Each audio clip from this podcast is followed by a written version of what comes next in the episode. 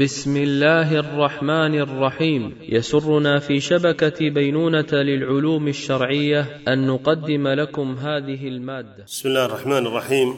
إن الحمد لله نحمده ونستعينه ونستغفره ونعوذ بالله من شرور أنفسنا وسيئات أعمالنا. من يهده الله فلا مضل له ومن يضلل فلا هادي له. وأشهد أن لا إله إلا الله وحده لا شريك له. وأشهد أن سيدنا ونبينا محمدا عبد الله ورسوله. اللهم صل وسلم عليه وعلى آله وصحبه أجمعين. وبعد فنلتقي في المجلس الرابع من مجالس شرح رسالة في الدماء الطبيعية عند النساء. نسأل الله سبحانه وتعالى السداد والتوفيق وأن يفتح علينا من فضله في الفهم وفيما نلقيه من العلم إنه سبحانه وتعالى جو... ولي ذلك والله أعلى وأعلم. نعم تفضل الشيخ بسم الله والحمد لله والصلاة والسلام على نبينا محمد وعلى آله وصحبه أجمعين. اللهم اغفر لنا ولشيخنا ولجميع المسلمين. قال المصنف رحمه الله الفصل الرابع في أحكام الحيض. للحيض أحكام كثيرة تزيد على العشرين نذكر منها ما نراه كثير الحاجة فمن ذلك الأول الصلاة فيحرم نعم. على ال... ذكر في الفصل الرابع أحكام الحيض ذكر أحكام الحيض. قال للحيض أحكام كثيرة تزيد عن العشرين نذكر منها ما نراه كثير الحاجة. في فسيذكر رحمه الله تعالى تحت هذا الفصل ما يرى فيه رحمه الله تعالى أنه كثير الحاجة. دم الحيض والنفاس أيضا كذلك ناقض للوضوء ومبطل للطهارة بالإجماع. ناقض للوضوء ومبطل للطهارة بالإجماع. ولا خلاف بين المسلمين في ذلك. الله سبحانه وتعالى يقول ويسألونك عن المحيض قل هو أذى فاعتزلوا النساء في المحيض ولا تقربوهن حتى يطهرن. فإذا تطهرن. هذا كله يدلك على أنه ناقض للوضوء. وعن عائشة رضي الله عنها أنها قالت جاءت فاطمة بنت أبي حبيش إلى النبي صلى الله عليه وآله وسلم فقالت يا رسول الله إني امرأة أستحاض فلا أطهر. أفأدع الصلاة؟ فقال رسول الله صلى الله عليه وسلم لا إنما ذلك عرق وليس بحيض فإذا أقبلت حيضتك فدعي الصلاة وإذا أدبرت فاغسلي عنك الدم ثم صلي. وفي لفظ قال ثم توضئي لكل صلاة حتى يجيء ذلك الوقت. الحيض دم الحيض يمنع سبعة أشياء. دم الحيض يمنع سبعة أشياء. يمنع الصلاة الأول يمنع الصلاة لقول النبي صلى الله عليه وسلم أليس إذا حاضت لم تصل ولم تصم؟ لقول النبي صلى الله عليه وسلم أليس إذا حاضت لم تصل ولم تصم؟ أخرجه مسلم. الثاني الصيام. الثاني الصيام للحديث نفسه أليس إذا حاضت لم تصل ولم تصم؟ الثالث الجماع في الفرج. وهو محل إجماع بين أهل العلم. وإنما اختلف أهل العلم في حكم مباشرة المرأة فيما بين السرة والركبة. اختلف أهل العلم في حكم مباشرة المرأة فيما بين السرة والركبة مما هو دون الفرج. والراجح أن التحريم خاص بالفرج دون غيره. والراجح أن التحريم خاص بالفرج دون غيره لما أخرجه الطحاوي وغيره. عن حكيم بن عقال أنه سأل أم المؤمنين عائشة رضي الله عنها قال فما يحرم عليه منها إن كانت حائضا؟ قال فما يحرم عليه منها إن كانت حائضا؟ قالت فرجها قالت فرجها قال الألباني إسناده على شرط مسلم. وكذلك ثبت عن عائشة رضي الله عنها أن النبي صلى الله عليه وآله وسلم كان إذا أراد أن يباشر إحدى نسائه وهي حائض أمرها أن تلقي على فرجها ثوبا. أمرها أن تلقي على فرجها ثوبا ثم يباشرها. وهذا من تمام فضلها رضي الله عنها أن تخبر بما يحتاج إليه من العلم في مثل هذه القضايا لما في ذلك من المصلحة لعموم الصحابة والتابعين ونسائهم جميعا رضي الله عن الجميع. والله سبحانه وتعالى قد قال في كتابه الكريم واذكرن ما يتلى في بيوتكن, بيوتكن من آيات الله والحكمة إن الله كان لطيفا خبيرا. وهذا بلا شك أنه من الذكر الذي أمر الله سبحانه وتعالى أمهات المؤمنين أن يبلغنه للناس لما فيه من مصلحة راجحة. وهذا لا ينافي الحياء هذا لا ينافي الحياء. رضي الله عن أمهات المؤمنين. الأمر الرابع مما يمنعه الحيض مس المصحف مس المصحف. لقول النبي صلى الله عليه وآله وسلم ولا يمس القرآن إلا طاهر. لقول النبي صلى الله عليه وسلم ولا يمس القرآن إلا طاهر. ولما أخرجه الدار قطني بإسناد صحيح عن سلمان الفارسي رضي الله عنه أنه تنحى وقضى حاجته أنه تنحى وقضى حاجته. فقيل له بعد ذلك ألا تتوضأ؟ قيل لسلمان ألا ألا تتوضأ؟ فتحدثنا فقال رضي الله عنه إني لا أمسه إني لا أمسه وإنه لا يمسه إلا المطهرون. وتفسير طبعا لن نخوض في تفاصيل كثيرة تتعلق بتفسير الحديث بأن المراد بالطاهر المؤمن. وهذا خطأ. هذا خطأ. ال ال ال الشرع ينظر فيه إلى الحقائق الثلاث الحقيقة الشرعية والحقيقة اللغوية والحقيقة العرفية. ولا بد من إعمال كل حقيقة في موضعها. لا بد من إعمال الحقيقة الشرعية في موضعها والحقيقة اللغوية في موضعها. والحقيقة العرفية في موضعها وإذا تعارضت حقيقة شرعية مع حقيقة شرعية أخرى فينظر إلى استعمال الشرع فينظر إلى غالب استعمال الشرع وموضع استعمال هذه اللفظة. فاستعمال الشرع استعمال الشرع فيما هو ظاهر استعماله في الطهارة في رفع الحدث في رفع الحدث.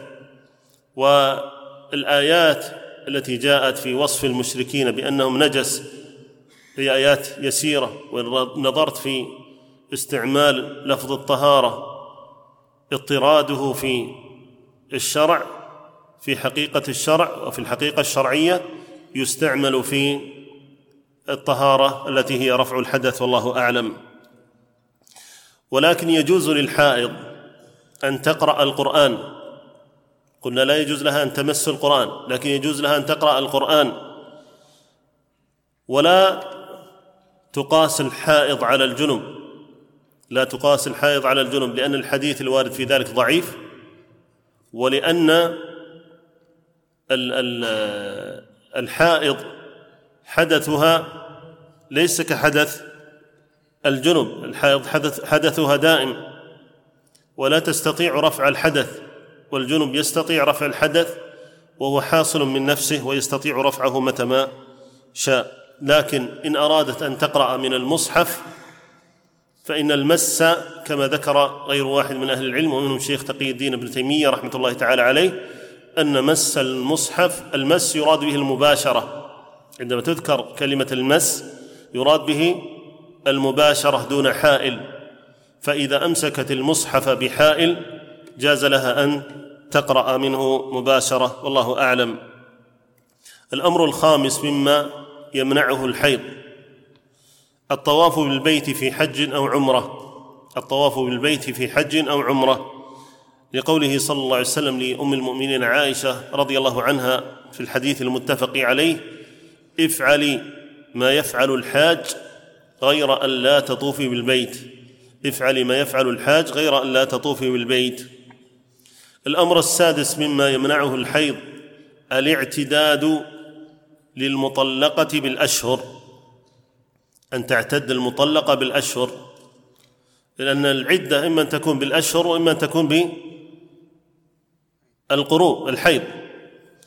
الله سبحانه وتعالى يقول واللائي يئسن من المحيض من نسائكم إن ارتبتم. فعدتهن ثلاثة أشهر واللائي لم يحض. فالله سبحانه وتعالى جعل سبحانه وتعالى عدة من يئست من المحيض جعل عدتها بالأشهر. فلا يجوز للمراه أن تنتقل إلى إلى العدة بالأشهر مع وجود الحيض. الأمر السابع مما يمنعه الحيض الطلاق. حتى تطهر المرأة وتغتسل. الطلاق حتى تطهر المرأة وتغتسل. ليس فقط تطهر بل تطهر وتغتسل. لحديث ابن عمر رضي الله عنهما أن النبي صلى الله عليه وسلم قال فإذا اغتسلت فإذا اغتسلت من حيضتها الأخرى فإذا اغتسلت من حيضتها الأخرى فلا يمسها حتى يطلقها إن شاء أن يمسكها فليمسكها. إن شاء أن يمسكها فليمسكها. هكذا بهذا اللفظ عند النسائي ذكر فيه الغسل فأفاد أن الطلاق لا يكون إلا بعد انقضاء الحيض واغتسال المرأة. وسيأتي إن شاء الله بعض البيان لبعض هذه المسائل التي ذكرت معنا. نعم. قال رحمه الله الأول الصلاة. فيحرم على الحائض الصلاة فرضها ونفلها ولا تصح منها وكذلك لا تجب عليها الصلاة إلا أن تدرك من وقتها مقدار ركعة كاملة. فتجب عليها الصلاة حينئذ سواء أدركت ذلك من أول الوقت أم من آخره. مثال ذلك من أوله امرأة حاضت بعد غروب الشمس بمقدار ركعة فيجب عليها إذا طهرت قضاء صلاة المغرب. لأنها أدركت من وقتها قدر ركعة قبل أن تحيض. ومثال ذلك من آخره امرأة طهرت من الحيض قبل طلوع الشمس بمقدار ركعة فيجب عليها إذا طهرت قضاء صلاة الفجر لأنها أدركت من وقتها إذا تطهرت نعم. صلى الله عليكم. فيجب عليها إذا تطهرت؟ فيجب عليها إذا تطهرت قضاء صلاة الفجر. لأنها أدركت من وقتها جزءا يتسع لركعة. أما إذا أدركت الحائض من الوقت جزءا لا يتسع لركعة كاملة مثل أن تحيض في المثال الأول بعد الغروب بلحظة أو تطهر في المثال الثاني قبل طلوع الشمس بلحظة فإن, صلاة فإن الصلاة لا تجب عليها لقول النبي صلى الله عليه وسلم من أدرك ركعة من الصلاة فقد أدرك الصلاة. متفق عليه. فإن مفهومه أن من أدرك أقل من ركعة لم يكن مدركا للصلاة. وإذا نعم. أن ذكر رحمه الله تعالى بعض المسائل المتعلقة بالصلاة. ذكرنا أن الحائض يحرم عليها الصلاة فرضها ونفلها وأنها لا تصح لا تصح منها. قال إلا أن تدرك من وقتها مقدار ركعة كاملة فتجب عليها الصلاة حينئذ. اختار المصنف رحمه الله تعالى أن المرأة إذا أدركت مقدار ركعة كاملة فإنها يجب عليها الصلاة. وضرب مثالا لإدراكها في أول الوقت ومثال لإدراكها في آخر الوقت الوقت. فقال في أول الوقت امرأة حاضت بعد غروب الشمس بمقدار ركعة. يعني غربت الشمس وبعد غروب الشمس بمقدار ركعة حاضت. وبعد غروب الشمس مقدار ركعة حاضت. قال فيجب عليها إذا طهرت أو طهرت قضاء صلاة المغرب لأنها أدركت من وقتها قدر ركعة قبل أن قبل أن تحيض. هذه الصورة الأولى الآن. الصورة الثانية امرأة طهرت من الحيض قبل طلوع الشمس بمقدار ركعة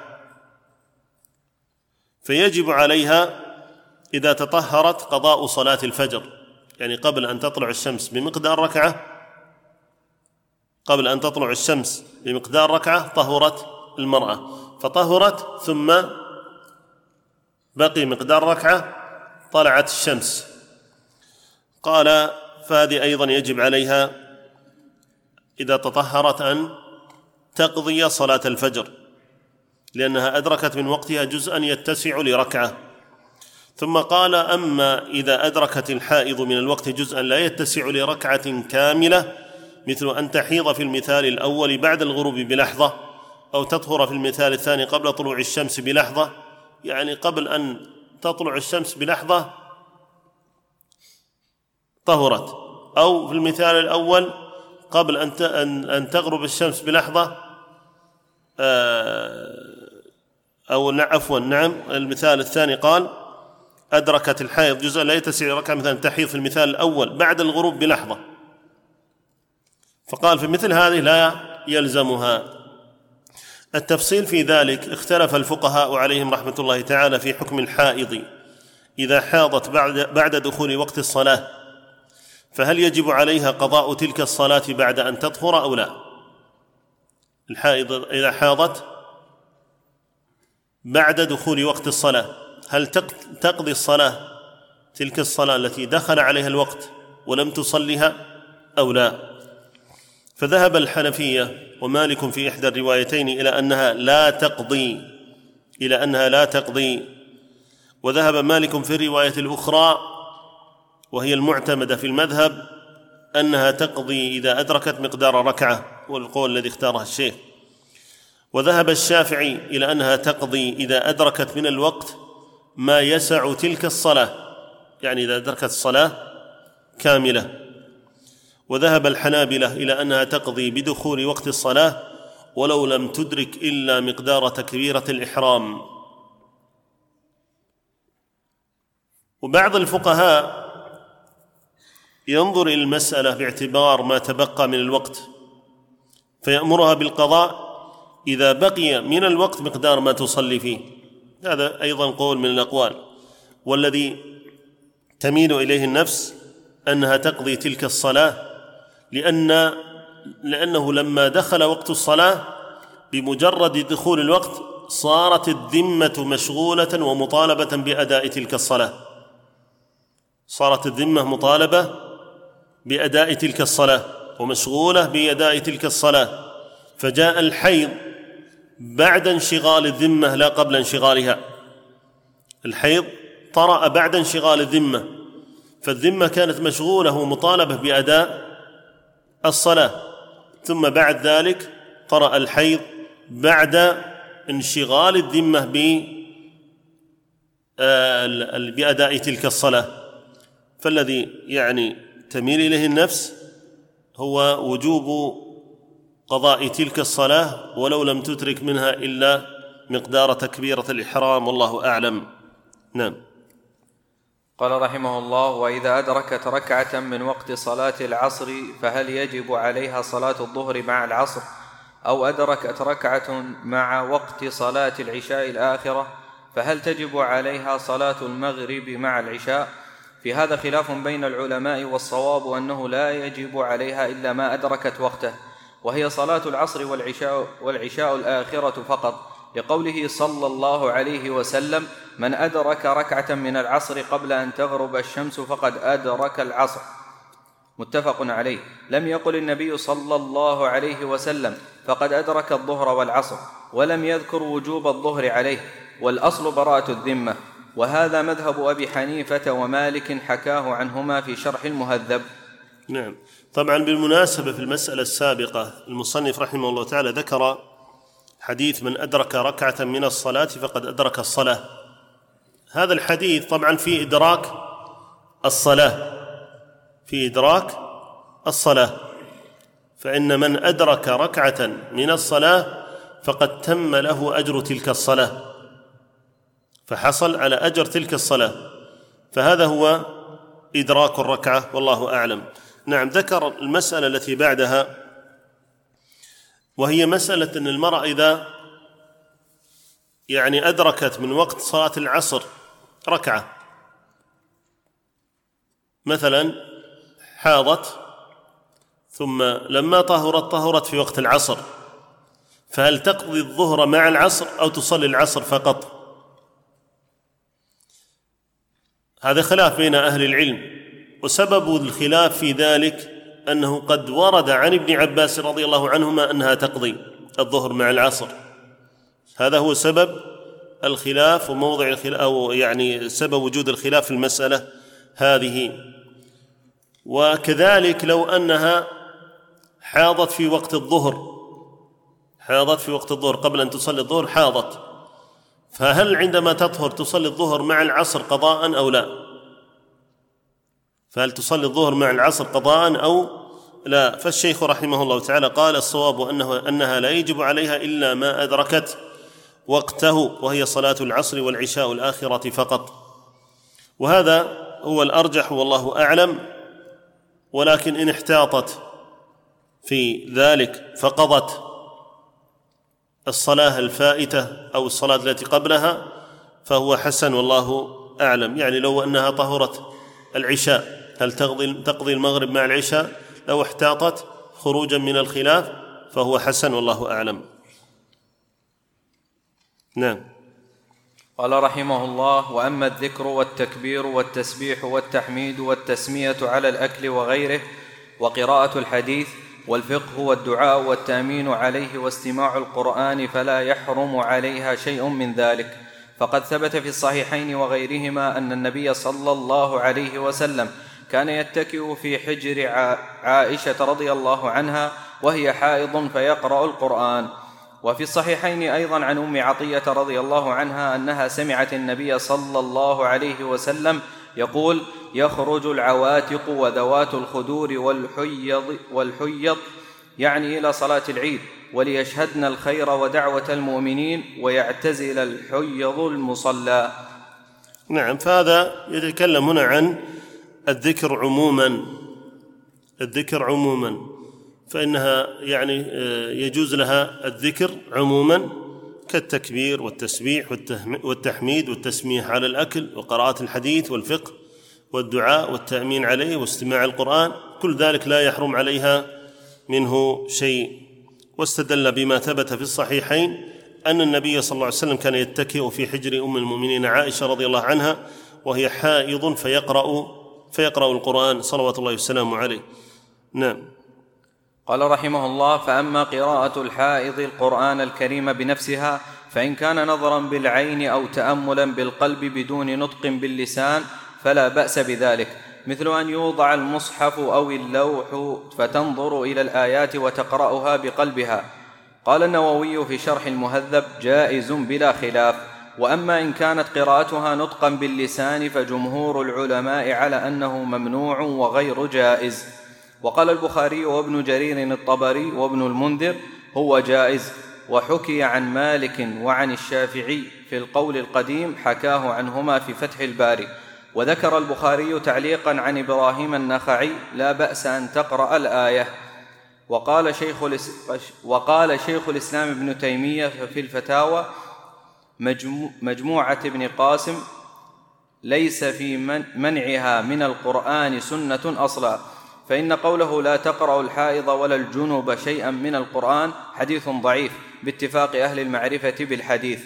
وقد كان النساء يحضن في عهد النبي صلى الله عليه وسلم فلو كانت القراءة محرمة عليهن كالصلاة لكان هذا مما بينه النبي صلى الله عليه وسلم لأمته وتعلم وتعلمه أمهات المؤمنين وكان ذلك مما ينقلونه في الناس. فلما لم ينقل ينقل أحد عن النبي صلى الله عليه وسلم في ذلك نهي نهيا لم يجز أن تجعل أن تجعل حراما.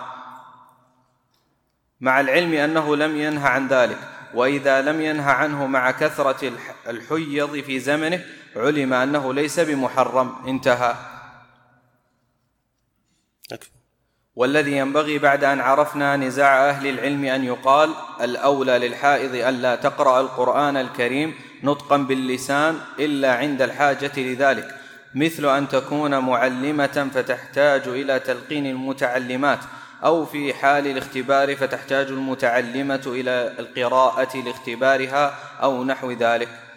نعم الذي عليه جماهير أهل العلم أن الحائض لا تقرأ شيئا من القرآن وهو قول جماعة من السلف كعطاء والزهري والنخعي والشعبي. واختار الشافعي في القديم جواز قراءتها للقرآن. الجمهور استدلوا بحديث لا تقرأ الحائض ولا الجنب شيئا من القرآن. والحديث أخرجه الترمذي وابن ماجه وغيرهما. وهو ضعيف لا يصح. وهو ضعيف لا يصح. وحديث لا تقرأ الحائض ولا النفساء من القرآن شيئا أخرجه كذلك أخرجه الدار قطني وفيه محمد بن فضل وهو متهم بالكذب. والصواب هو ما ذكره شيخ الإسلام ابن تيمية رحمه الله تعالى جواز قراءتها للقرآن مع أنها إذا أرادت إمساك المصحف فتمسكه بحائل كالقفاز ونحوه أو المنديل ونحو ذلك.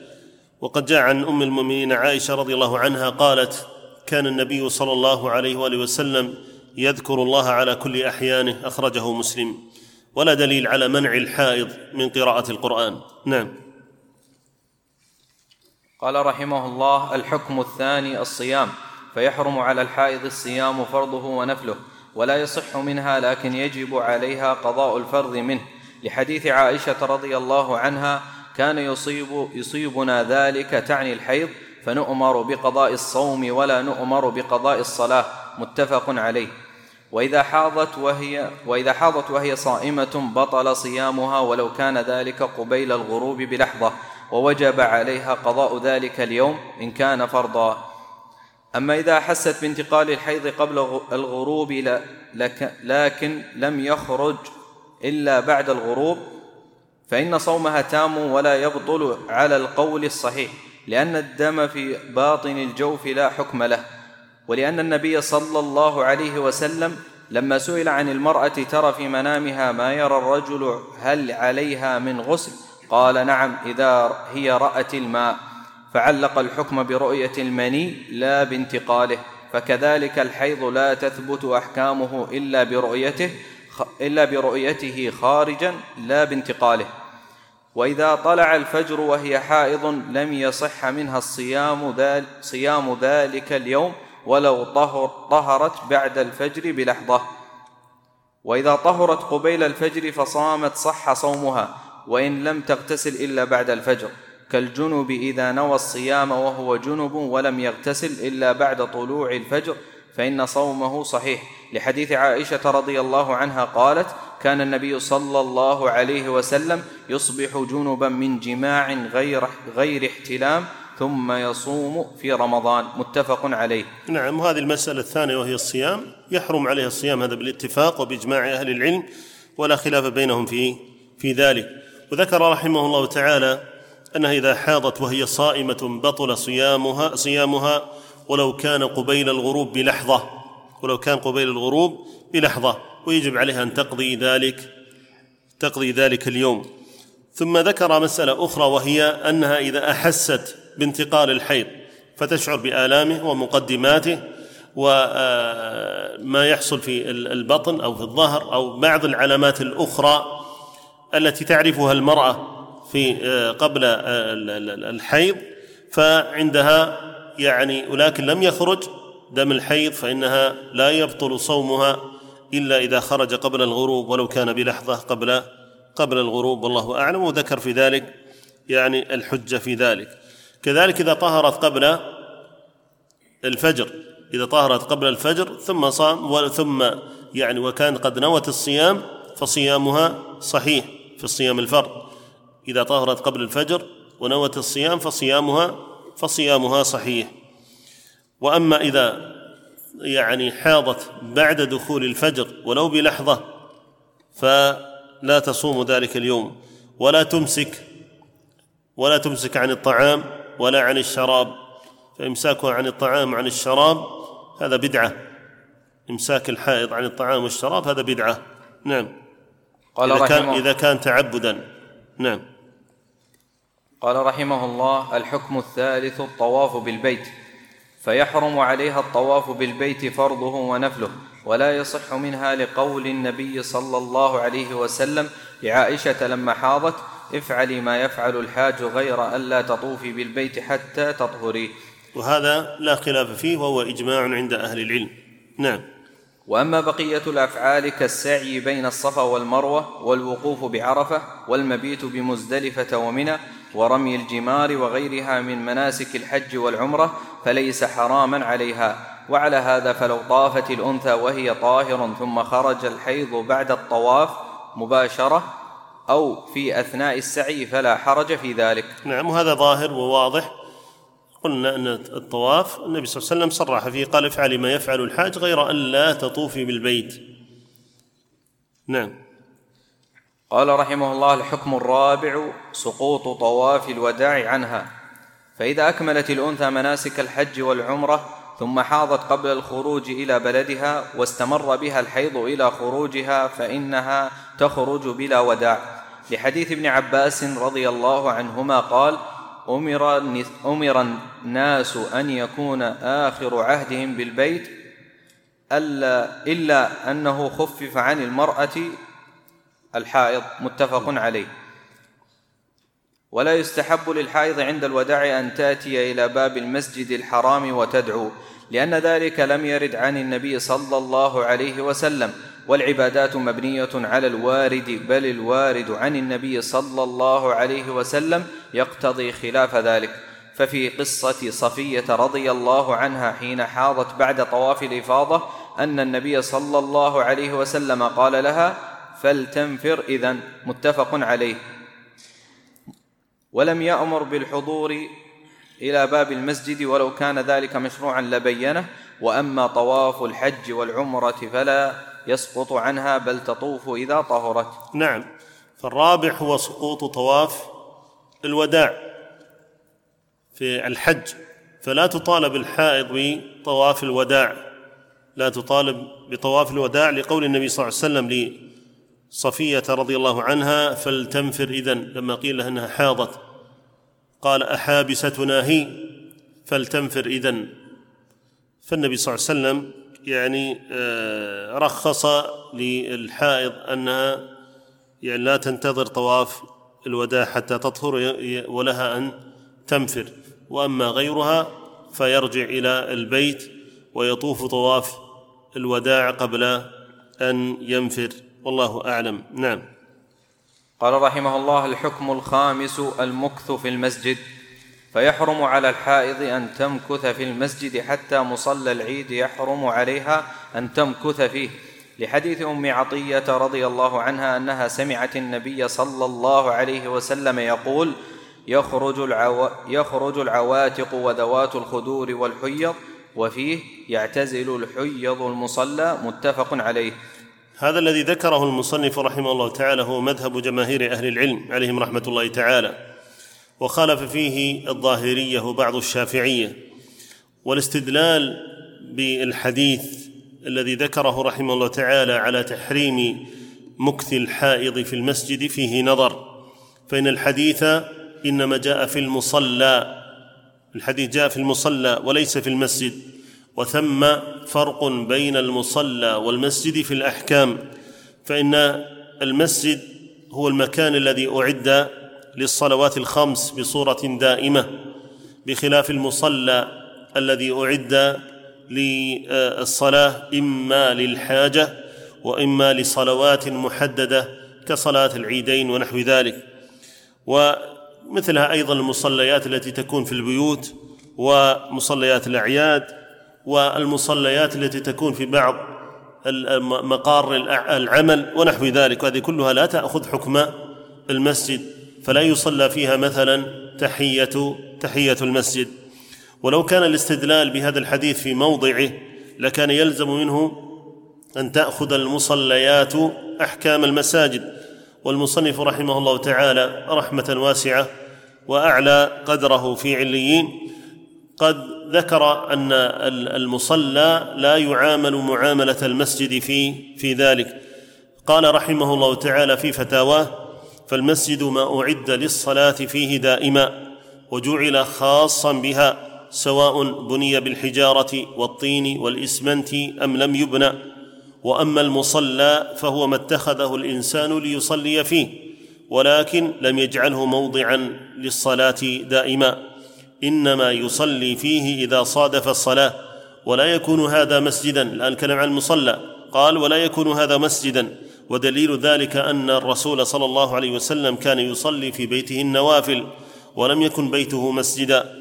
وكذلك دعاه عتبان بن مالك إلى بيته ليصلي في مكان يتخذه عتبان مصلى ولم يكن ذلك المكان مسجدا. فالمصلى ما أعد ما أعد للصلاة فيه دون أن يعين مسجد يعين مسجدا عاما يصلي فيه الناس ويعرف أنه قد خصص لهذا الشيء انتهى كلامه. وأما قول النبي صلى الله عليه وسلم أو قولها في الحديث يعتزلن الصلاة كما في اللفظ الآخر فهو صريح في أن الاعتزال كان للصلاة. ولو كان الاعتزال في المصلى أيضا لما كان في ذلك وجه حجة والله أعلم.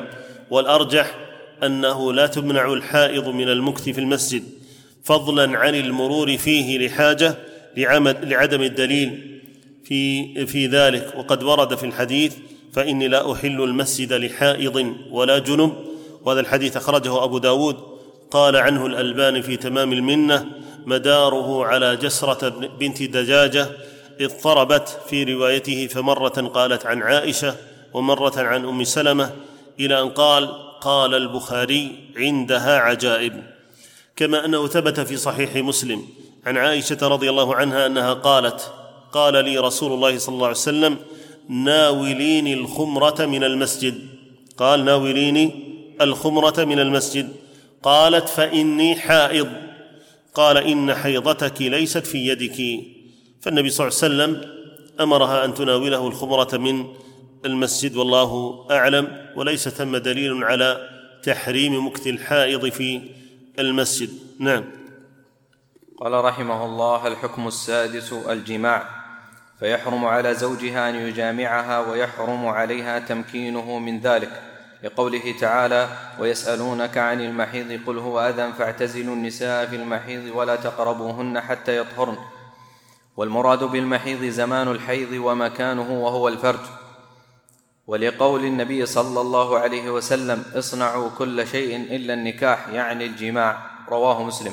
ولأن, ولأن المسلمين أجمعوا على تحريم وطئ الحائض في فرجها فلا يحل لامرئ يؤمن بالله واليوم الآخر أن يقدم على هذا الأمر المنكر الذي دل على المنع منه كتاب الله تعالى وسنة, وسنة رسوله صلى الله عليه وسلم وإجماع المسلمين. فيكون ممن شاق الله ورسوله واتبع غير سبيل المؤمنين. قال في المجموع شرح المهذب قال الشافعي من فعل ذلك فقد أتى كبيرة.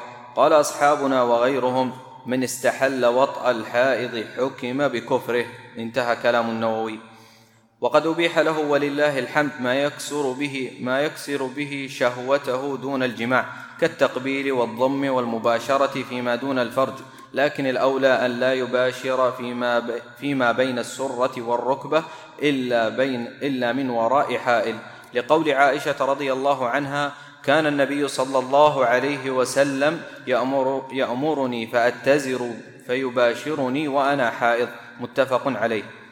اليهود كانوا يعتزلون النساء في الحيض في الطعام والشراب والمبيت ونحو ذلك. وجاء دين الإسلام بخلاف ذلك وبإكرام المرأة وجعل لها أحكاما. حال الحيض. النبي صلى الله عليه وسلم كان ينام بجانب أزواجه صلى الله عليه وسلم وهن حيض. وكان يباشر صلى الله عليه وسلم زوجاته وهن حيض. وكان يتكي في حجر أم المؤمنين عائشة رضي الله عنها ويقرأ القرآن وهي حائض. وقد ثبت في صحيح مسلم من حديث أنس رضي الله عنه أن اليهود كانوا إذا حاضت المرأة لم ياكلوها فقال النبي صلى الله عليه وسلم اصنعوا كل شيء إلا النكاح. اصنعوا كل شيء إلا النكاح. والذي يحرم من الحائض إنما هو جماعها في الفرج. الذي يحرم من الحائض إنما هو جماعها في الفرج. وأما الاستمتاع فيما دون ذلك فيحل لكل منهما أن يستمتع من الآخر ولا حرمة في ذلك. وحرمة الجماع بالفرج هو بإجماع أهل العلم. للآية الواردة في ذلك ويسألونك عن المحيض قل هو أذى فاعتزلوا النساء في المحيض. واختلف أهل العلم فيما عدا الفرج بين السرة والركبة هل له أن يستمتع بزوجته فيما بين السرة والركبة حال الحيض؟ والصواب جوازه لما ثبت عن أم المؤمنين عائشة رضي الله عنها حين سأل حكيم بن عقال ما يحرم علي من امرأتي وهي حائض؟ قالت فرجها. نعم سبق الكلام أيضا عن هذا. نعم. قال رحمه الله الحكم السابع الطلاق. فيحرم على الزوج طلاق الحائض حال حيضها. لقوله تعالى يا أيها النبي إذا طلقتم النساء فطلقوهن لعدتهن. أي في حال يستقبلن به عدة معلومة حين الطلاق. ولا يكون ذلك إلا إذا طلقها حاملا أو طاهرا من غير جماع لأنها إذا طلقت حال الحيض لم تستقبل العدة حيث ان, إن حيث إن الحيضة التي طلقت فيها لا تحسب من العدة. وإذا طلقت طاهرا بعد الجماع لم تكن العدة التي تستقبلها معلومة حيث إنه لا يعلم هل حملت من هذا الجماع فتعتد بالحمل أو لم تحمل فتعتد بالحيض. فلما لم يحصل اليقين من نوع العدة حرم عليه الطلاق حتى يتبين الأمر. فطلاق الحائض حال حيضها حرام للآية السابقة. ولما ثبت في الصحيحين وغيرهما من حديث ابن عمر أنه طلق امرأته وهو وهي حائض فأخبر عمر بذلك النبي صلى الله عليه وسلم فتغيظ فيه رسول الله صلى الله عليه وسلم وقال مره فليراجعها ثم ثم ليمسكها حتى تطهر ثم تحيض ثم تطهر ثم إن شاء أمس أمسك بعد وإن شاء طلق بعد قبل أن يمس أن يمس. فتلك العدة التي أمر الله أن تطلق لها النساء. فلو طلق الرجل امرأته وهي حائض فهو آثم وعليه أنه أن يتوب إلى الله تعالى وأن يرد المرأة التي عصمت عصمته إلى عصمته ليطلقها طلاقا شرعيا موافقا لأمر الله ورسوله فيتركها, فيتركها بعد ردها حتى تطهر من الحيضة التي طلقها فيها. ثم تحيض مرة أخرى ثم إذا طهرت فإن شاء أبقاها وإن شاء طلقها قبل أن يجامعها. نعم حتى نصور المسألة. لو أن رجلا أراد طلاق امرأته لو أنه أراد طلاق امرأته فطهرت من حيضها وحصل بينهما جماع ثم بعد ذلك أراد أن يطلقها. ولنفرض أن حيضها كان في أو طهارتها من الحيض كانت في أول الشهر. وستأتيها الحيضة في أول الشهر التالي أو بداية الشهر التالي. يعني أمامه كم؟ شهر كامل. حصل جماع بينهما. فلا يجوز له أن يطلقها حتى تحيض ثم تطهر وتغتسل كما في حديث ابن عمر عند النسائي. ثم بعد ذلك يطلقها إن إن شاء. أما إذا طهرت من حيضها أما إذا طهرت من حيضها ولم يحصل بينهما جماع فلي فيجوز له أن يطلقها دون أن ينتظر الحيض التالية.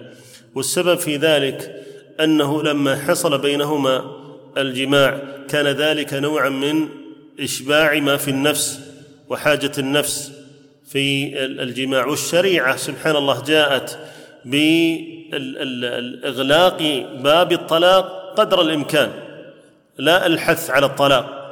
فجعلت باب الطلاق على الرجل وهو في عصمته جعلت ثلاث طلقات وجعلت هنالك طلاق سني والطلاق السني يكون على وصف معين والنبي صلى الله عليه وسلم كما جاء في حديث في الحديث في حديث عمر أنه تغيظ صلى الله عليه وسلم لما طلق ابن عمر رضي الله عنهما امرأته وهي حائض.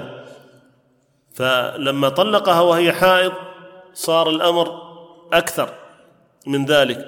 اذا قال له النبي صلى الله عليه وسلم في الحديث قال مره فليراجعها ثم يمسكها حتى تطهر ثم تحيض ثم تطهر. فصار عنده الأمر أكثر رضي الله عنه. ولو حصل ولو أنها طهرت فحصل بينهما جماع فينتظر الحيض التي بعدها. فلو طهرت وحصل بينهما ينتظر إلى الحيض التي بعدها وتطهر وتغتسل. هذا هو الواجب الذي أوجبه الله سبحانه وتعالى وأما الطلاق البدعي وهو أن يطلقها في حيض في حيض حيضتها أو أن يطلقها في طهر قد جامعها فيه فهذا حرام ولا يجوز وقد تغيظ عليه النبي صلى الله عليه وسلم. لا يحل الرجل أن يطلق امرأته لا هي وهي حائض ولا أن يطلقها في طهر قد جامعها فيه. وهذا يغلق باب الطلاق سبحان الله. يعني هذا من أسباب حصول رجوع الألفة والمودة بين الزوجين. وذلك الله سبحانه وتعالى لما ذكر ذكر الطلاق سبحانه وتعالى قال لا تخرجوهن من بيوتهن ولا يخرجن إلا أن يأتين بفاحشة مبينة. وتلك حدود الله ومن يتعدى حدود الله فقد ظلم نفسه. لا تدري لعل الله يحدث بعد ذلك أمرا. فهو لما ينتظر إلى الحيض التالية قد يحصل بينهما كلام قد يحصل بينهما أنس وألفة وموده يلغي ذلك الطلاق والفكرة في الطلاق أصلا. لعل الله يحدث بعد ذلك أمرا. نعم. قال رحمه الله ويستثنى من الذي يتبع السنة وهدي النبي صلى الله عليه وسلم يرتاح. يرتاح في دنياه وفي وفي أخراه. والذي يخالف السنة ويعارض السنة فيكون حاله كما قال ابن عمر رضي الله عنه لما قيل له أو حسبت عليه طلقة؟ قال أو, أو, إن استحمق يعني إن صار أحمق وخالف السنة كيف ما تحسب عليه؟ نعم. ويستثنى من تحريم الطلاق في الحيض ثلاث مسائل. الأولى إذا كان الطلاق قبل أن يخلو بها أو يمسها فلا بأس أن يطلقها وهي حائض لأنه لا عدة عليها حينئذ فلا يكون طلاقها مخالفا لقوله تعالى فطلقوهن لعدتهن. الثانية إذا كان الحيض نعم المسألة الأولى قال إذا كان الطلاق قبل أن يخلو بها قبل الخلوة. حصل العقد لم يدخل بها ولم يخلو بها. طبعا إذا إذا دخل بها فبلا شك أنه خلا بها. لكن هنالك ما هو أقل وهو أن يخلو بها. إذا أرخيت الستور أو أغلق الباب بحيث يتمكن من مواقعتها فهذه خلوة. إذا حصلت الخلوة فالخلوة حكمها حكم الجماع في وجوب العدة ووجوب المهر كاملا للمرأة. أما إذا حصل الطلاق قبل الخلوة فإنها لا عدة عليها وتحرم عليه بمجرد طلاقها. نعم. الثالثة إذا كان الطلاق الثانية إذا كان الحيض في حال الحمل وهذا سبق الكلام سبق الكلام عليه هل تحيض الحامل أو لا؟ نعم. الثانية إذا كان الحيض في حال الحمل وسبق بيان سبب ذلك. الثالثة إذا كان الطلاق على عوض فإنه لا بأس أن يطلقها وهي حائض. يعني مثل الخلع إذا خالع امرأته فالخلع أهل العلم اختلفوا فيه هل هو طلاق أو ليس بطلاق والصواب أنه ليس ليس بطلاق. فإذا خالعت المرأة آه، الرجل فإنها تعتد بحيضة ولا يكون ذلك لا يكون ذلك طلاقا فلا يلزمها أن يعني آه، لا يلزم الرجل أن ينتظر. ولأن الأصل في المخالعة أن المرأة تريد فكاك نفسها من ذلك الرجل. نعم. مثل أن يكون بين الزوجين نزاع وسوء عشرة فيأخذ الزوج عوضا ليطلقها. فيجوز ولو كانت حائضا لحديث ابن عباس رضي الله عنهما أن امرأة ثابت بن قيس بن شماس جاءت إلى النبي صلى الله عليه وسلم فقالت يا رسول الله إني ما أعتب عليه في خلق ولا دين ولكن أكره الكفر في الإسلام. فقال النبي صلى الله عليه وسلم اتردين عليه حديقته؟ قالت نعم. فقال رسول الله صلى الله عليه وسلم اقبل الحديقة وطلقها تطليقه رواه البخاري. ولم يسأل النبي صلى الله عليه وسلم هل كانت حائضا أو طاهرا ولأن هذا الطلاق افتداء من المرأة عن نفسها فجائز فجائز. فجاز عند الحاجة. عند الحاجة إليه على أي حال كان. قال في المغني معللا جواز الخلع حال الحيض لأن المنع من الطلاق في الحيض من أجل الضرر الذي يلحق يلحقها بطول العدة والخلع لإزالة الضرر الذي يلحقها بسوء العشرة والمقام مع, مع من تكرهه وتبغضه وذلك أعظم من ضرر طول العدة فجاز دفع أعلاهما بأدناهما. ولذلك لم يسأل النبي صلى الله عليه وسلم المختلعة عن حالها انتهى كلامه. وأما عقد النكاح على المرأة وهي حائض فلا بأس به لأن الأصل الحل ولا دليل على المنع منه لكن إدخال الزوج عليها وهي حائض ينظر فيه فإن كان يؤمن من أن يطأها يؤمن من أن يطأها فلا بأس وإلا فلا يدخل عليها حتى تطهر خوفا من الوقوع الوقوع في الممنوع. نعم وهذا واضح عقد المرأة يعني العقد على المرأة وهي حائض هذا جائز ولا حرج فيه. نعم. قال رحمه الله الحكم الثامن اعتبار عدة الطلاق به أي الحيض. فإذا طلق الرجل زوجته بعد أن مسها فلا أو خلا بها وجب عليها أن تعتد بثلاث حيض كاملة إن كانت من ذوات الحيض الحيض. ولم تكن حاملا لقوله تعالى والمطلقات يتربصن بأنفسهن ثلاثة قروء أي ثلاث حيض. فإن كانت حاملا فدع فعدتها إلى وضع الحمل كله سواء طالت المدة مدة أو قصرت. لقوله تعالى وأولاة الأحمال أجلهن أن يضعن حملهن. وإن كانت من غير ذوات الحيض كالصغيرة التي لم يبدأ بها الحيض والآيسة من الحيض لكبر لكبر أو عملية استأصلت استأصلت رحمها أو غير ذلك مما لا ترجو معه رجوع رجوع الحيض فعدتها ثلاثة أشهر لقوله تعالى واللائي يئسن من المحيض من نسائكم إن ارتبتم فعدتهن إن ارتبتم فعدتهن ثلاثة أشهر واللائي لم يحضن. وإن كانت من ذوات الحيض لكن ارتفع حيضها لسبب معلوم كالمرض والرضاع فإنها تبقى في العدة وإن طالت المدة حتى يعود الحيض فتعتد به. فإن زال السبب ولم يعد الحيض فإن بأن برئت من المرض أو انتهت من الرضاع وبقي الحيض مرتفعا فإنها تعتد بسنة كاملة من زوال السبب هذا هو القول الصحيح الذي ينطبق على القواعد الشرعية فإنه إذا زال السبب ولم يعد الحيض صار كمن ارتفع حيض صارت كمن ارتفع حيضها لغير سبب معلوم. وإذا ارتفع حيضها لغير سبب معلوم فإنها تعتد بسنة كاملة. تسعة أشهر للحمل احتياطا لأنها غالب الحمل وثلاثة أشهر للعدة. نعم. ذكر الثامن وهو اعتبار عدة الطلاق أي الحيض. الرجل ذكرنا أن الطلاق السني والطلاق والطلاق البدعي صورة كل كل من هو. المرأة التي إذا كانت من ذوات الحيض يعني ينزل عليها الحيض فإنها ولو كان غير منتظم ولو كان بين الحيض والحيضة شهرين أو ثلاثة ما دام أن هنالك حيض فإنها تعتد بثلاث حيض. تعتد بثلاث حيض. وأما إذا كانت ممن أيست من المحيض أو كانت قد آه، يعني آه، استأصل استؤصل رحمها كما ذكر رحمه الله تعالى أو تعاطت سبب من أسباب عدم نزول الحيض أبدا يعني يقطعه بشكل تام فإنها تكون من آه، من اللاتي يئسن من المحيض. وكذلك اللاتي لم يحض اللائي لم يحض فالتي يعني المبتدأ التي لم ينزل عندها عليها الحيض بعد فإنها تعتد كذلك بالأشهر إذا كانت لم ينزل عليها الحيض يعني إذا تزوجت قبل قبل المحيض.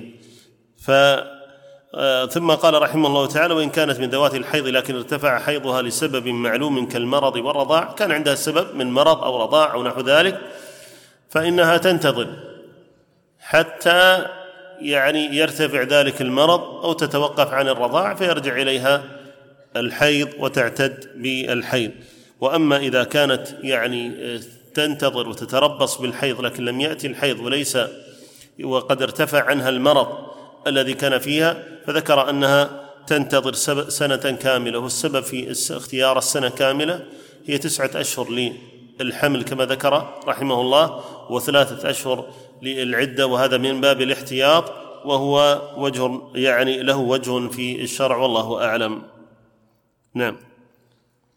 أما إذا كان الطلاق بعد العقد وقبل المسيس والخلوة فليس فيه عدة اطلاقا لا بحيض ولا غيره لقوله تعالى يا أيها الذين آمنوا إذا نكحتم المؤمنات ثم طلقتموهن من قبل أن تمسوهن فما لكم فما لكم عليهن من عدة تعتدونها. وهذا ذكرنا أن إذا كان الطلاق قبل قبل الدخول وقبل الخلوة. نعم. قال الحكم قال رحمه الله الحكم التاسع الحكم ببراءة الرحم أي بخلوه من الحمل وهذا يحتاج إليه كل يحتاج إليه كلما احتيج إلى الحكم ببراءة الرحم وله مسائل. منها إذا مات شخص عن امرأة يرثه يرثه حملها وهي ذات زوج فإن زوجها لا يطاها حتى تحيض. أو يتبين حملها فإن تبين حملها حكمنا بإرثه لحكمنا بوجوده حين موت مورثه. وإن حاضت حكمنا بعدم إرثه لحكمنا ببراءة الرحم بالحيض. نعم لأن جعل الحيض أيضا من من مما جعل له الحيض جعل لبراءة الرحم. أن الحيض دليل على عدم الحمل وهذا مما يؤكد على ما ذكرناه من أن الحامل لا تحيض وإلا لعكر ذلك على هذه القضية.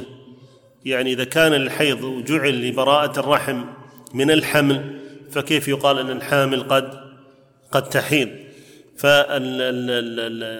فالمرأة تستبرئ لرحمها بالحيض فتستبرئ المختلعة بحيضة وتستبرئ المطلقة بثلاث حيض. وهذا الذي يعني أوجبه الله سبحانه أوجبه الله سبحانه وتعالى.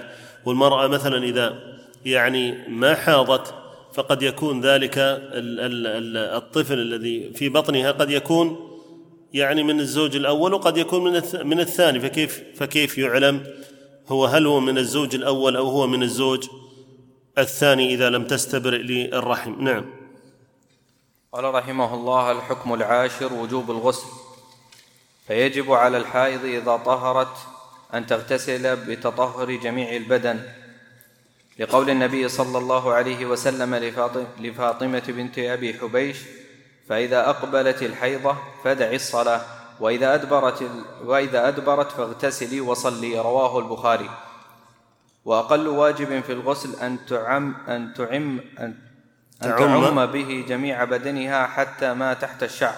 والأفضل أن يكون على صفة ما جاء في الحديث عن النبي صلى الله عليه وسلم حيث سألته أسماء بنت بنت شكل نعم.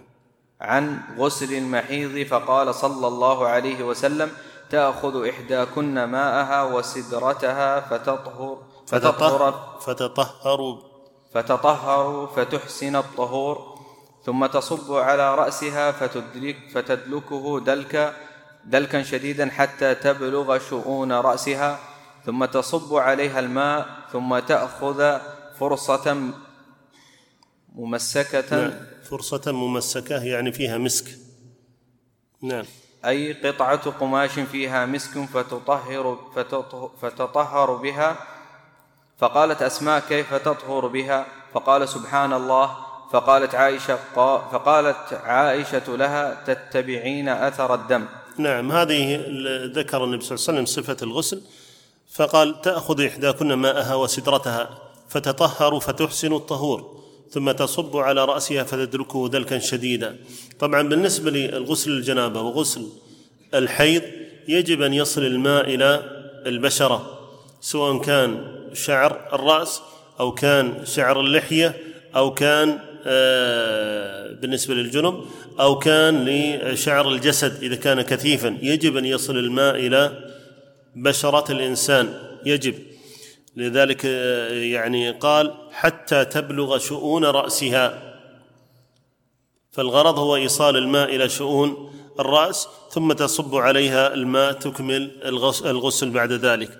قال ثم تأخذ فرصة ممسكة يعني قطعة قماش فيها مسك وتتبع به أثر الدم فتمسح به على فرجها في موضع الدم حتى تقطع الرائحة الكريهة التي كانت من من أثر الحيض. نعم. ولا يجب نقض شعر الرأس إلا أن يكون مشدودا بقوة بحيث يخشى أن لا يصل يصل الماء إلى أصوله. يخشى أن لا يصل الماء إلى أصوله. لما في صحيح مسلم من حديث أم سلمة رضي الله عنها أنها سألت النبي صلى الله عليه وسلم فقالت إني امرأة أشد شعر رأسي فأنقضه لغسل الجنابة. أفأنقضه؟ استفهام. أفأنقضه لغسل الجنابة؟ لغسل الجنابة نعم. لغسل الجنابة وفي رواية للحيضة والجنابة فقال لا إنما يكفيك أن أن تحثي على رأسك ثلاث رأسك ثلاث حثيات ثم تفيضين عليك الماء فتطهرين. نعم فلم يأمرها النبي صلى الله عليه وسلم بنقض شعر الرأس وإنما أمرها أن تفيض الماء على رأسها والحديث الذي مر أنها يعني آه، تصل بالماء إلى أصول شعرها أو شؤون شعرها. نعم.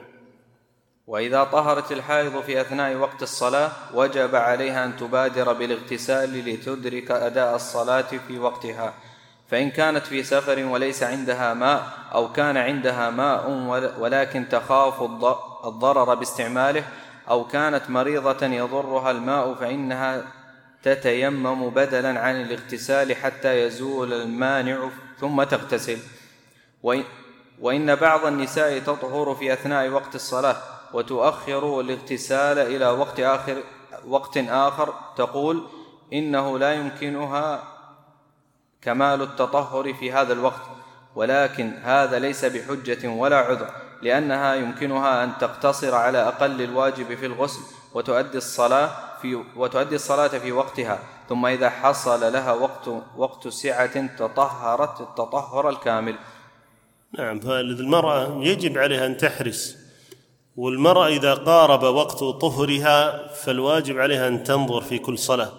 كما كنا يفعل الصحابيات والتابعيات يرسلن بالدرجة فيها الكرسف إلى أم المؤمنين عائشة وتقول لهن لا تعجلن يعني كانت من شدة حرصهن على أداء أداء الصلاة.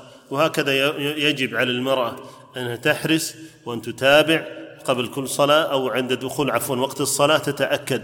وقبل خروج وقت الصلاة تتأكد أنها يعني ما زالت في الحيض حتى لا تفوتها تلك تلك الصلاة لتقصيرها. نعم. قال رحمه الله الفصل الخامس في الاستحاضة وأحكامها. الاستحاضة استمرار الدم على المرأة بحيث لا ينقطع عنها أبدا أو ينقطع عنها مدة يسيرة كاليوم واليومين في الشهر. فدليل الحالة الأولى التي لا ينقطع الدم يعني ذكر صورتين الصورة الأولى لا ينقطع الدم أبدا والصورة الثانية ينقطع مدة يسيرة كاليوم واليومين. نعم. فدليل الحالة الأولى التي لا ينقطع الدم فيها أبدا ما ثبت في الصحيحين في صحيح البخاري عن عائشة رضي الله عنها قالت قالت فاطمة بنت أبي حبيش لرسول الله صلى الله عليه وسلم يا رسول الله إني لا أطهر وفي رواية أستحاض أستحاض. أستحاض فلا أطهر. ودليل الحالة الثانية التي لا ينقطع الدم فيها إلا يسيرا حديث حمنة بنت بنت حبيش. بنت جحش. حمنا بنت جحش وبنات بنات جحش كنا يستحضن كلهن. نعم. حديث حمنة بنت بنت جحش حيث جاءت إلى النبي صلى الله عليه وسلم فقالت يا رسول الله إني أستحاض حيضة كبيرة شديدة. الحديث رواه أحمد وأبو داود والترمذي وصححه ونقل عن الإمام أحمد تصحيحه وعن البخاري تحسينه. نعم. الاستحاضة دم يخرج في غير وقته عن فساد. دم يخرج في غير وقته عن فساد. أو عن مرض. أو عن مرض. والحيض دم صحة والاستحاضة دم فساد كما ذكرنا هذا. دم الاستحاضة يختلف عن دم الحيض. وهذه مسألة مهمة جدا ومن أكثر ما يشكل على النساء التفريق بين دم الحيض ودم الاستحاضة من أكثر ما يشكل على النساء. دم الاستحاضة يختلف عن دم الحيض. كما جاء عند النسائي في السنن الصغرى عن فاطمة بنت أبي حبيش أنها كانت تستحاض فقال النبي صلى الله عليه وسلم إذا كان دم الحيض فإنه دم أسود يعرف أو يعرف على ضبطين فأمسكي عن الصلاة فإذا كان الآخر فتوضئي فإنما هو عرق. وأهل العلم اختلفوا في صحة هذا الحديث وقد استنكره أبو حاتم الرازي رحمه الله تعالى لأنه من رواية محمد بن عمرو. ومحمد بن عمرو من من رجال الصحيح وإن كانت له غرائب. وبعض أهل العلم بالمناسبة قد يطلق النكاره ويريد بها التفرد الذي قد لا يحتمل مثله. فمثل هذا التفرد يعني قد يطلق على النكارة وقد لا يراد به النكارة التي تعرف في كتب المصطلح المتأخرة. وعلى كل حال الحديث صححه ابن حبان وابن حزم والنووي. قال آه، ابن القيم وأعله غيرهم بما لا يقدح. جاء على ضبطين يعرف ويعرف. يعرف أن أي أي تعرفه النساء. ويعرف من من العرف وهي الرائحة. ودم الاستحاضة له رائحة ليست يعني رائحته ليست كرائحة دم الحيض فلونه أقل إما من جهة السواد وإما من جهة الحمرة. وهنا أذكر أمر مهم. الفقهاء عليهم رحمة الله تعالى تكلموا عن ألوان ألوان دم الحيض. بعضهم يجعلها سبعة ألوان وبعضهم يجعلها ستة ألوان وبعضهم يجعلها خمسة وبعضهم يجعلها أربعة على كلام طويل بين بين أهل العلم والمرأة من عادتها أنها تعرف دم الحيض. بعض النساء عندهن دم الحيض يميل إلى السواد ويكون ثخين وعندنا ثلاث علامات في الغالب هذه تعرف بها المرأة دم الحيض من دم الاستحاضة. دم الحيض يكون ثخين يكون آه، مائل إلى السواد يعني مقصود مائل إلى السواد أي لونه اللون فيه أظهر الحمرة فيه أشد. طيب والثالث أن له رائحة كريهة. دم الاستحاضة أقرب إلى دم الجرح من دم الحيض. فهذه لابد من التفريق بينها. لكن الأمر المهم وهو أن النساء بعض النساء قد يكون عندها الدم الثخين مائل إلى السواد. بعض النساء عندها الدم الثخين مائل إلى الحمرة الشديدة. بعض النساء عندها الدم مائل إلى الحمرة يعني المتوسطة وبعضهم الدم مائل إلى ما يسمى بالتربة يعني اللون الترابي. هذا كله يختلف لكن دم الاستحاضة أقل دائما يكون أقل عند المرأة. دم الاستحاضة غالبا يكون أقل وهذا تعرفه التي تميز دم الحيض والذي ينبغي على المرأة أن تعرف عادتها. من جهة الأيام وأن تعرف عادتها من جهة صفة دم الحيض الذي عندها.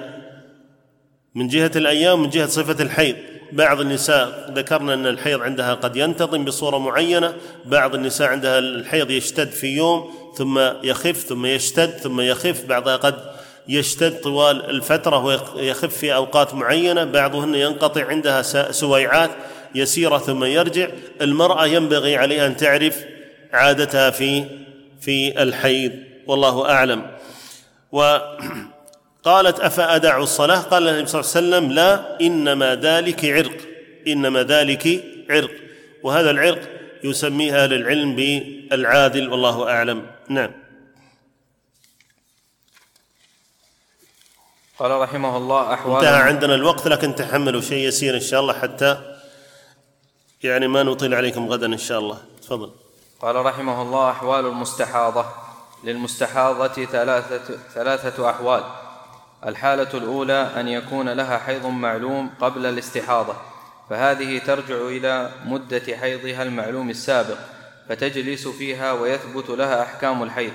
وما عداها استحاضة يثبت لها أحكام المستحاضة. مثال ذلك امرأة كان يأتيها الحيض ستة أيام من أول كل شهر. ثم طرأت عليها الاستحاضة فصار الدم يأتيها باستمرار فيكون فيكون حيضها ستة أيام من أول كل شهر. وما عداها استحاضة لحديث عائشة رضي الله عنها أن فاطمة بنت أبي حبيش قالت يا رسول الله إني أستحاض فلا أطهر افادع الصلاة. قال لا إن ذلك عرق ولكن دعي الصلاة قدر الأيام التي كنت تحيضين. فيها تحيضين فيها ثم اغتسلي وصلي. رواه البخاري وفي صحيح مسلم أن النبي صلى الله عليه وسلم قال لأم حبيبة بنت جحش بنت جحش امكثي قدر ما ما كانت تحبسك تحبسك حيضتك. ثم اغتسلي وصلي.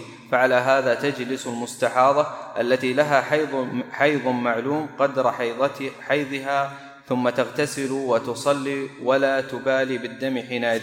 نعم وهذه الصورة الحالة الأولى هي تعرف عادتها من جهة الأيام تعرف عادتها من جهة الأيام لكنها لم تعرف أن تميز بين دم الحيض ودم الاستحاضة. لم تعرف التمييز بين دم الحيض ودم الاستحاضة. فهذه ردها النبي صلى الله عليه وسلم إلى إلى عادتها. هذه ردها النبي صلى الله عليه وسلم إلى عادتها. وهي المرأة التي لم تعرف التمييز بين دم الحيض ودم الاستحاضة. حاضت في أول الشهر ستة أيام ثم تمادى بها الدم أسبوعين أو أكثر.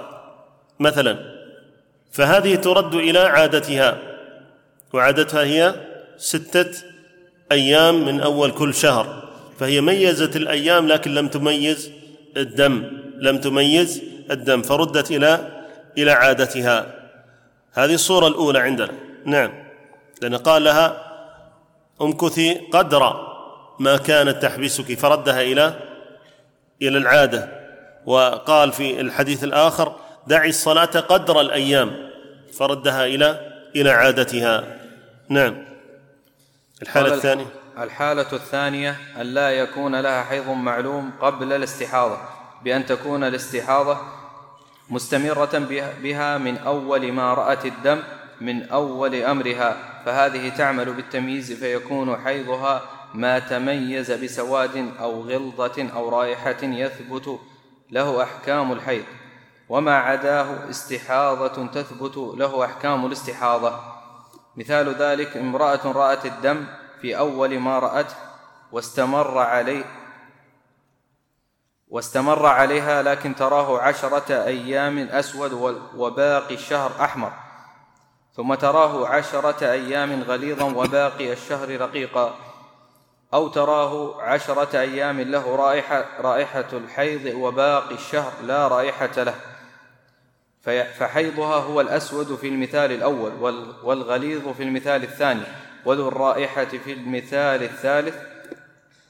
وما عدا ذلك فهو استحاضة لقول النبي صلى الله عليه وسلم لفاطمة بنت أبي حبيش إذا كان دم الحيضة فإنه أسود يعرف فإذا كان ذلك فأمسكي عن الصلاة فإذا كان الآخر فتوضئي وصلي فإنما هو عرق. رواه أبو داود والنسائي وصححه ابن حبان والحاكم.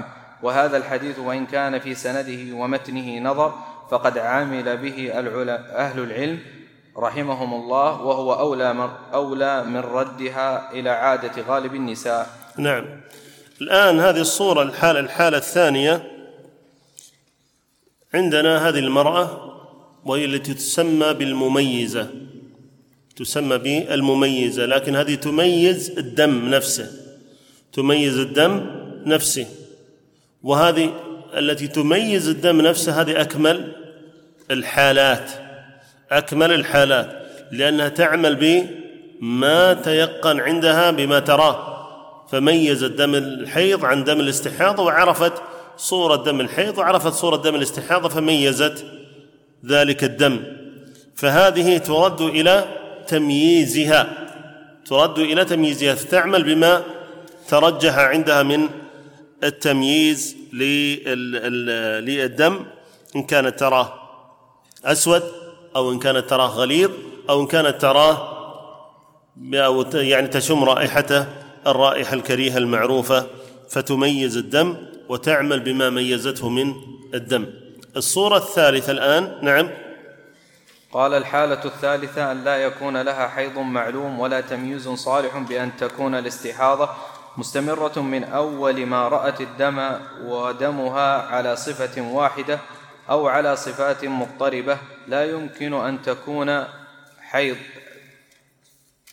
أن تكون حيض فهذه تعمل بعادة غالب النساء فيكون حيضها ستة أيام أو سبعة من كل شهر يبتدئ من أول المدة التي رأت فيها الدم وما عداه استحاضة. مثال ذلك أن ترى الدم أول ما تراه في الخامس من الشهر ويستمر عليها من غير أن تكون فيه تم أن يكون فيه تمييز صالح للحيض لا بلون ولا غيره فيكون ولا غيره فيكون حيضها من كل شهر ستة أيام أو سبعة تبتدئ من اليوم الخامس من كل شهر. لحديث حمنة بنت بنت حبيش بنت جحش رضي الله عنها أنها قالت يا رسول الله إني أستحاض حيضة كبيرة شديدة فما ترى فيها قد منعتني الصلاة والصيام.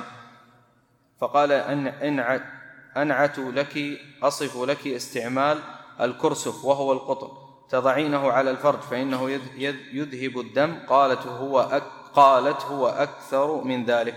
وفيه قال إنما هذا ركضة من ركضات الشيطان فتحيضي نعم. ستة أيام أو سبعة في علم الله تعالى. ثم اغتسلي حتى إذا رأيت أنك قد طهرت واستنقيت فصلي أربعا وعشرين أو ثلاثا وعشرين ليلة وأيامها وصومي. الحديث رواه أحمد وأبو داود والترمذي وصححه ونقل عن, ونقل عن أحمد أنه صححه وعن البخاري أنه حسنه حسنه. وقوله صلى الله عليه وسلم ستة أيام أو سبعة ليس للتخيير وإنما هو للاجتهاد فتنظر فيها هو أقرب إلى فيما حالها. هو فيما هو أقرب إلى حالها. فيما هو أقرب إلى حالها ممن يشابهها خلقة ويقاربها سنا ورح ورح ورحما وفيما هو أقرب إلى الحيض من دمها ونحو ذلك من الاعتبارات. فإن كان الأقرب أن يكون ستة جعلته ستة. وإن كان الأقرب أن يكون سبعة جعلته سبعة. نعم.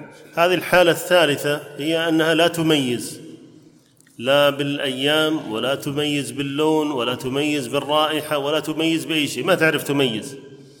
فمثل هذه إذا تمادى بها الدم وأصبح الدم عندها مستمر فترد إلى عادة أهلها ترد إلى عادة أهلها ورحمها فتنظر في عادة والدتها تنظر في عادة أختها تنظر في عادة آه، قريباتها إن كانت لها خالات فهو أقرب الخالات أقرب من من العمات فتنظر إلى الخالات من جهة الحيض فتنظر إلى الخالات كيف حيض الخالات والوالدة أولا ثم الأخوات ثم الخالات وهكذا. فتنظر في من يقاربها والعادة أن أن أنهن يتقاربن في في عادتهن. يتقاربن في عادتهن فترد إلى عادة أهلها ترد إلى عادة أهلها. هذا إذا لم تعرف أن تميز. فهذه عندنا الصورة الصورة الثالثة. أهل العلم اختلفوا هل الأولى أن ترد المرأة إلى عادتها أو ترد إلى تمييزها؟ اختلفوا في ذلك أيهما يقدم. وقد جاء في الصحيح النبي صلى الله عليه وسلم قال فإذا جاء قدرها فدعي الصلاة. فأمرها النبي صلى الله عليه وسلم تترك الصلاة بمقدار ما اعتادت عليه فردها النبي صلى الله عليه وسلم إلى إلى عادتها. والأظهر أنها ترد إلى التمييز إذا استطاعت التمييز لأن التمييز أقرب إلى اليقين. التمييز أقرب إلى اليقين وفيه إعمال لليقين أو إعمال لغلبة الظن. فهو الذي يقدم لأن الظن لا يطرح بالكلية في الشرع بل يعمل به ولا يهمل الظن وإنما يطرح الظن الذي لا يبنى على على دليل. الظن الذي لا يبنى على دليل. الله سبحانه وتعالى يقول إن بعض الظن إثم وهذا الظن الذي فيه إثم هو الظن الذي لا يبنى على دليل. وأما الظن الذي يبنى على دليل الذي يعرف بغلبة الظن فهذا فهذا يؤخذ به ولا ولا يطرح. فإذا اعتادت أن يأتيها الدم في الخامس عشر من الشهر ثم استحاضت ولم تستطع, تستطع التمييز ترجع إلى العادة. وأما إن استطاعت التمييز ف يعني مثلا استطاعت التمييز ترجع إلى ترجع إلى التمييز في اليوم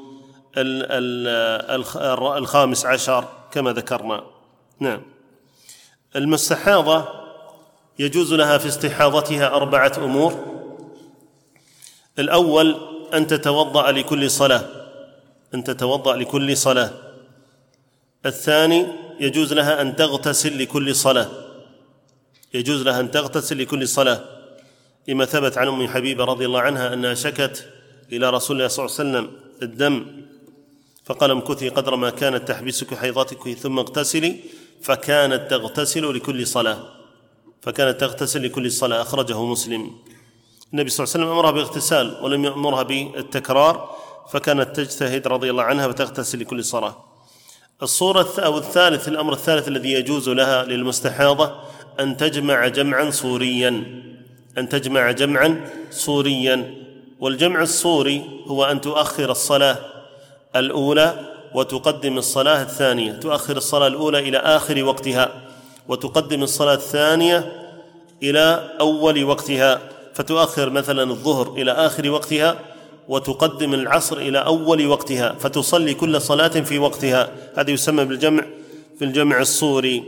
وذلك لما ثبت في عن أم المؤمنين عائشة رضي الله عنها قالت استحيضت امرأة على عهد رسول الله صلى الله عليه وسلم فأمرت أن تعجل العصر وتؤخر الظهر وتغتسل لهما غسلا وأن تؤخر المغرب وتعجل العشاء وتغتسل لهما غسلا وتغتسل لصلاة الصبح غسلا.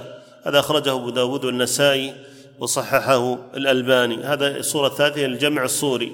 فإن كان يشق عليها الجمع الصوري فعندها الأمر الرابع وهو أن تجمع بين الظهرين الظهر والعصر في وقت إحداهما. وتجمع بين العشاءين المغرب والعشاء في وقت إحداهما. تجمع جمع حقيقي لا جمع صوري. آه، وتتوضأ أو تغتسل في وقت يعني لكل جمع. تغتسل أو تتوضأ لكل لكل جمع. قال المصنف رحمه الله تعالى في الشرح الممتع يجوز الجمع للمستحاضة بين الظهرين الظهر والعصر والعشاءين المغرب والعشاء. لمشقة الوضوء عليها لكل لكل صلاة. طيب نختم المسألة الأخيرة حال من تشب من تشبه المستحاضة. نأخذ هذا ونقف إن شاء الله. قال رحمه الله حال من تشبه تشبه, تشبه المستحاضة.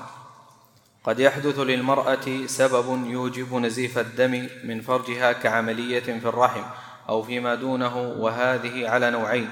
النوع الأول أن يعلم أنها أن يعلم أنها لا يمكن أن تحيض بعد العملية مثل أن تكون العملية استئصال الرحم بالكلية أو سده بحيث لا ينزل منه الدم.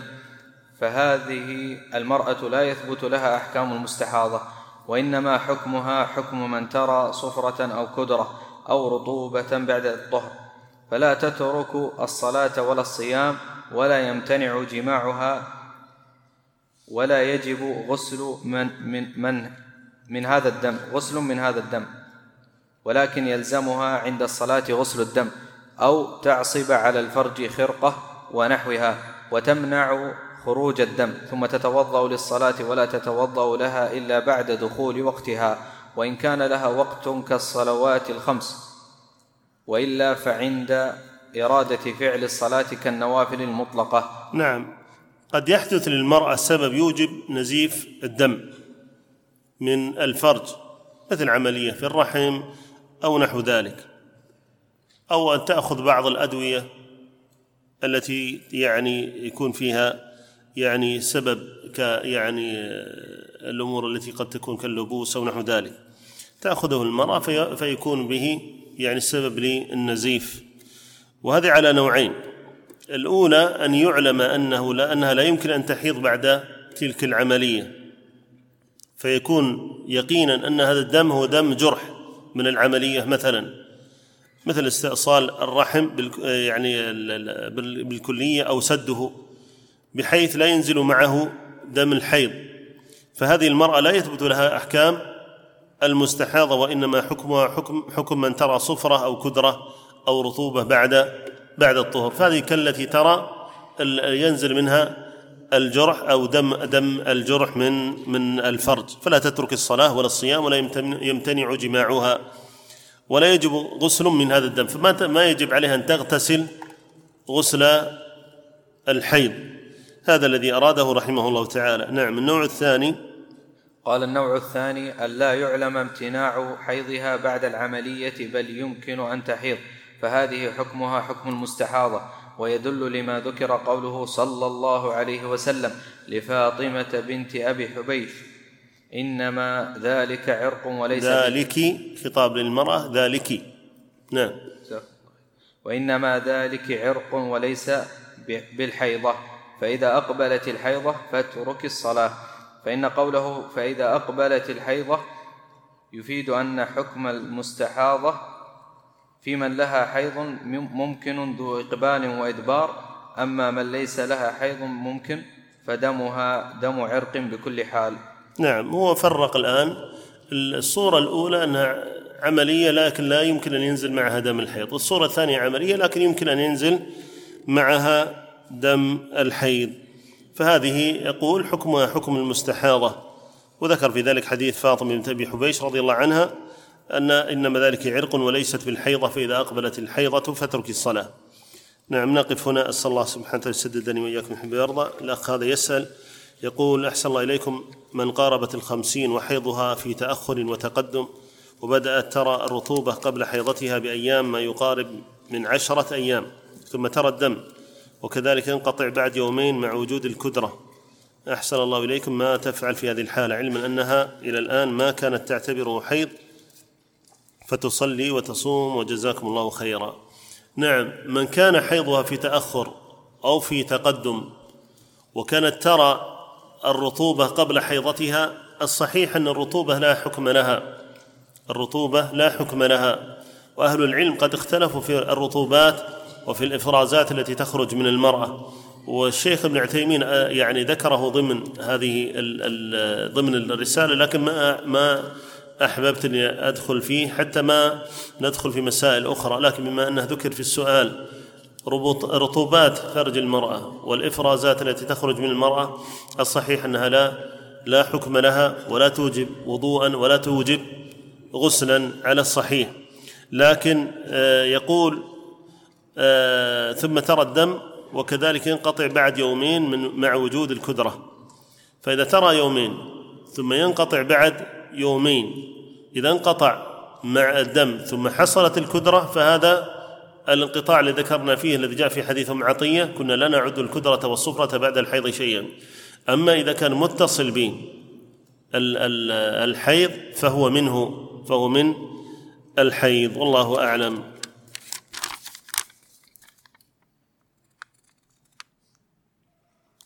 يسأل عن المرأة التي يعني تستعمل ما يمنع الحمل ليعرف باللولب مما يسبب لها تقطع في المدة للحيض يخرج كنقط في آخر أيام الحيض. هل تصلي؟